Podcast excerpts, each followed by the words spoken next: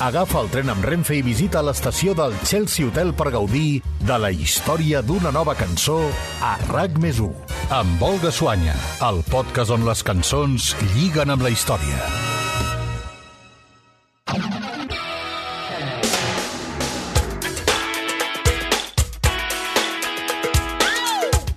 Amb aquests quatre acords i el crit que els tanquen, n'hi ha prou per reconèixer-lo. És Black or White, un dels temes més populars de la carrera de Michael Jackson i el protagonista de la història d'aquest nou episodi del Chelsea Hotel.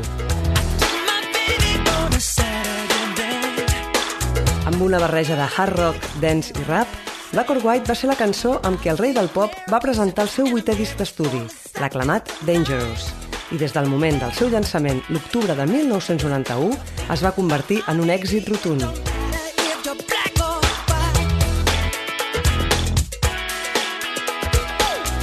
En pocs dies va escalar fins a la primera posició de les llistes americanes, sent el tema que més ràpid hi va arribar des que els Beatles llancessin Get Back al gener de 1969. I ben aviat ja era número 1 també a una vintena de països de tot el món. Però com ja era habitual en Michael Jackson, el llançament del tema van acompanyat d'un vídeo musical que va ser tan exitós com la mateixa cançó.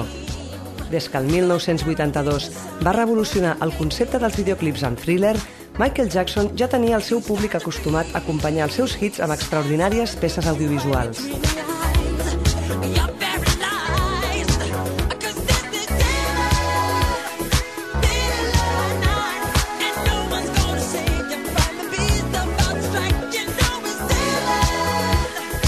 Cas de Black or White, el cantant va sorprendre novament els seus fans amb un vídeo en format de curtmetratge protagonitzat per una de les estrelles de Hollywood del moment, l'actor Macaulay Culkin.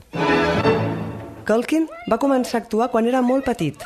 Amb només 4 anys ja es va enfilar als escenaris per participar en una producció teatral amb la Filarmònica de Nova York i al llarg de tota la dècada dels 80 va continuar fent petits papers a la televisió i al cinema. El seu salt a la fama, però, es va produir el 1990, quan amb 10 anys es va posar en la pell de Kevin McAllister a l'exitosa pel·lícula infantil Sol a casa. Kevin! Home Alone. Quan al cap de dos anys es va llançar la segona part d'aquesta cinta, Sol a casa 2, perduda a Nova York, Culkin ja era el nou nen prodigi de Hollywood i abans de fer els 14 ja s'havia convertit en l'actor infantil més ben pagat de la història. En aquells primers anys de la seva carrera, Macaulay Culkin va establir una estreta amistat amb Michael Jackson que perduraria fins a la mort del cantant el juny del 2009. De fet, durant més d'una dècada, va ser el millor amic de Jackson i un dels seus grans defensors de les reiterades acusacions de pedofília que van planar sobre el músic des de mitjans dels 90. Durant gairebé 15 anys, i malgrat la diferència d'edat que els separava, la seva relació es va anar enfortint i l'actor es va acabar convertint en una de les persones més importants de la seva vida i en el padrí dels seus tres fills. I thought I told you to turn that thing off! It is too late and it's too loud! But Dad, this is the best part! Culkin i Jackson es van conèixer precisament arran de la participació de l'actor al videoclip de Black or White. La peça arrencava amb una introducció on el personatge que interpreta l'actor, cansat que li diguin que baixi el volum de la música, es venja musicalment dels seus pares cinematogràfics posant a tot drap els amplificadors de la guitarra. La distorsió de l'instrument fa patar els vidres de les finestres i propulsa el progenitor cap a l'espai rebentant el sostre de la casa. Eat this.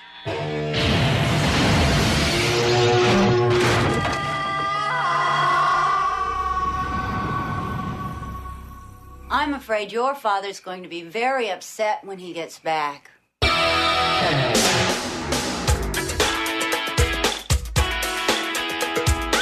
A banda de l'actuació del joveníssim actor, a la peça també hi sortia Tyra Banks, que tot just encetava llavors la seva carrera com a top model.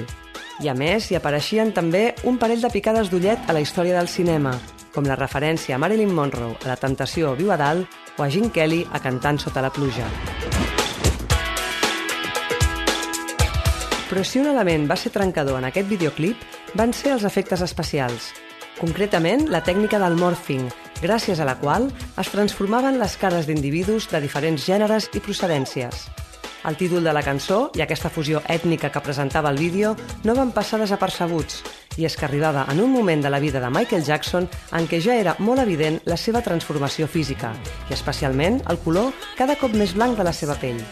Ell sempre va negar que s'estigués sometent a cap tractament d'emblanquiment i, tal com explicava en aquesta entrevista a Oprah Winfrey, ho atribuïa a un desordre dermatològic contra el qual no hi podia fer res. This is the situation. I have a skin disorder that destroys the pigmentation of the skin is something that I cannot help. I'm proud to be a black American. I am proud of my race. I am proud of who I am. aquesta qüestió se li va afegir també la polèmica creada arran d'un parell d'elements que apareixen al final del vídeo, en uns minuts on ja no hi sonava la música, i que es van considerar sexualment sugestius i violentament provocadors. D'una banda, alguns dels moviments dels passos de ball de Jackson, on s'agafa repetidament i explícitament l'entrecuix, de l'altra, els actes vandàlics que comet al final del vídeo destrossant cotxes i establiments.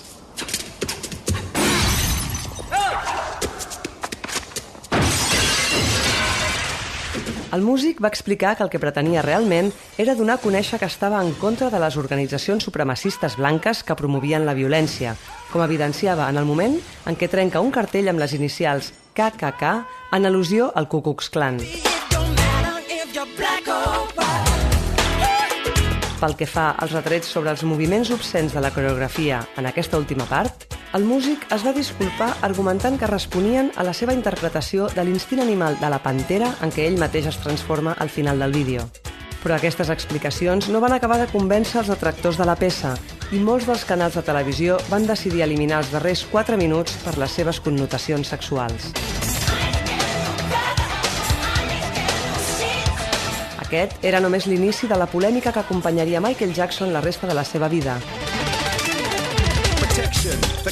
L'estiu de 1993 va ser acusat d'abusar sexualment d'un dels nens que va acollir a Neverland i a partir de llavors les notícies i els rumors sobre les seves actituds pedòfiles van ser constants. color. you agree with me when I saw you kicking dirt in my eye. El seu amic, Macaulay Culkin, sempre el va defensar, reiterant que ell mai li va fer res i que tampoc va veure que fes res a cap altre nen.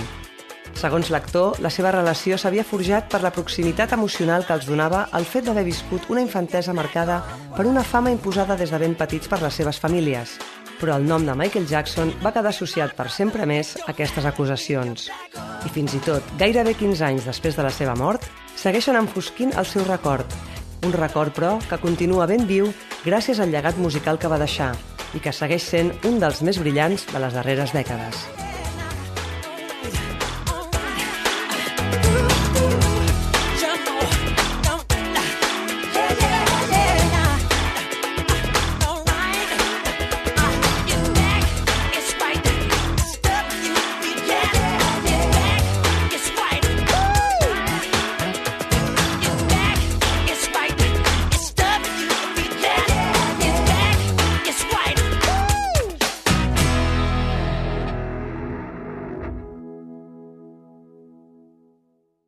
El tren de Renfe, amb parada a Chelsea Hotel, reprendrà el seu viatge i tornarà dissabte que ve amb noves cançons a RAC més amb Olga Suanya, el podcast on les cançons lliguen amb la història.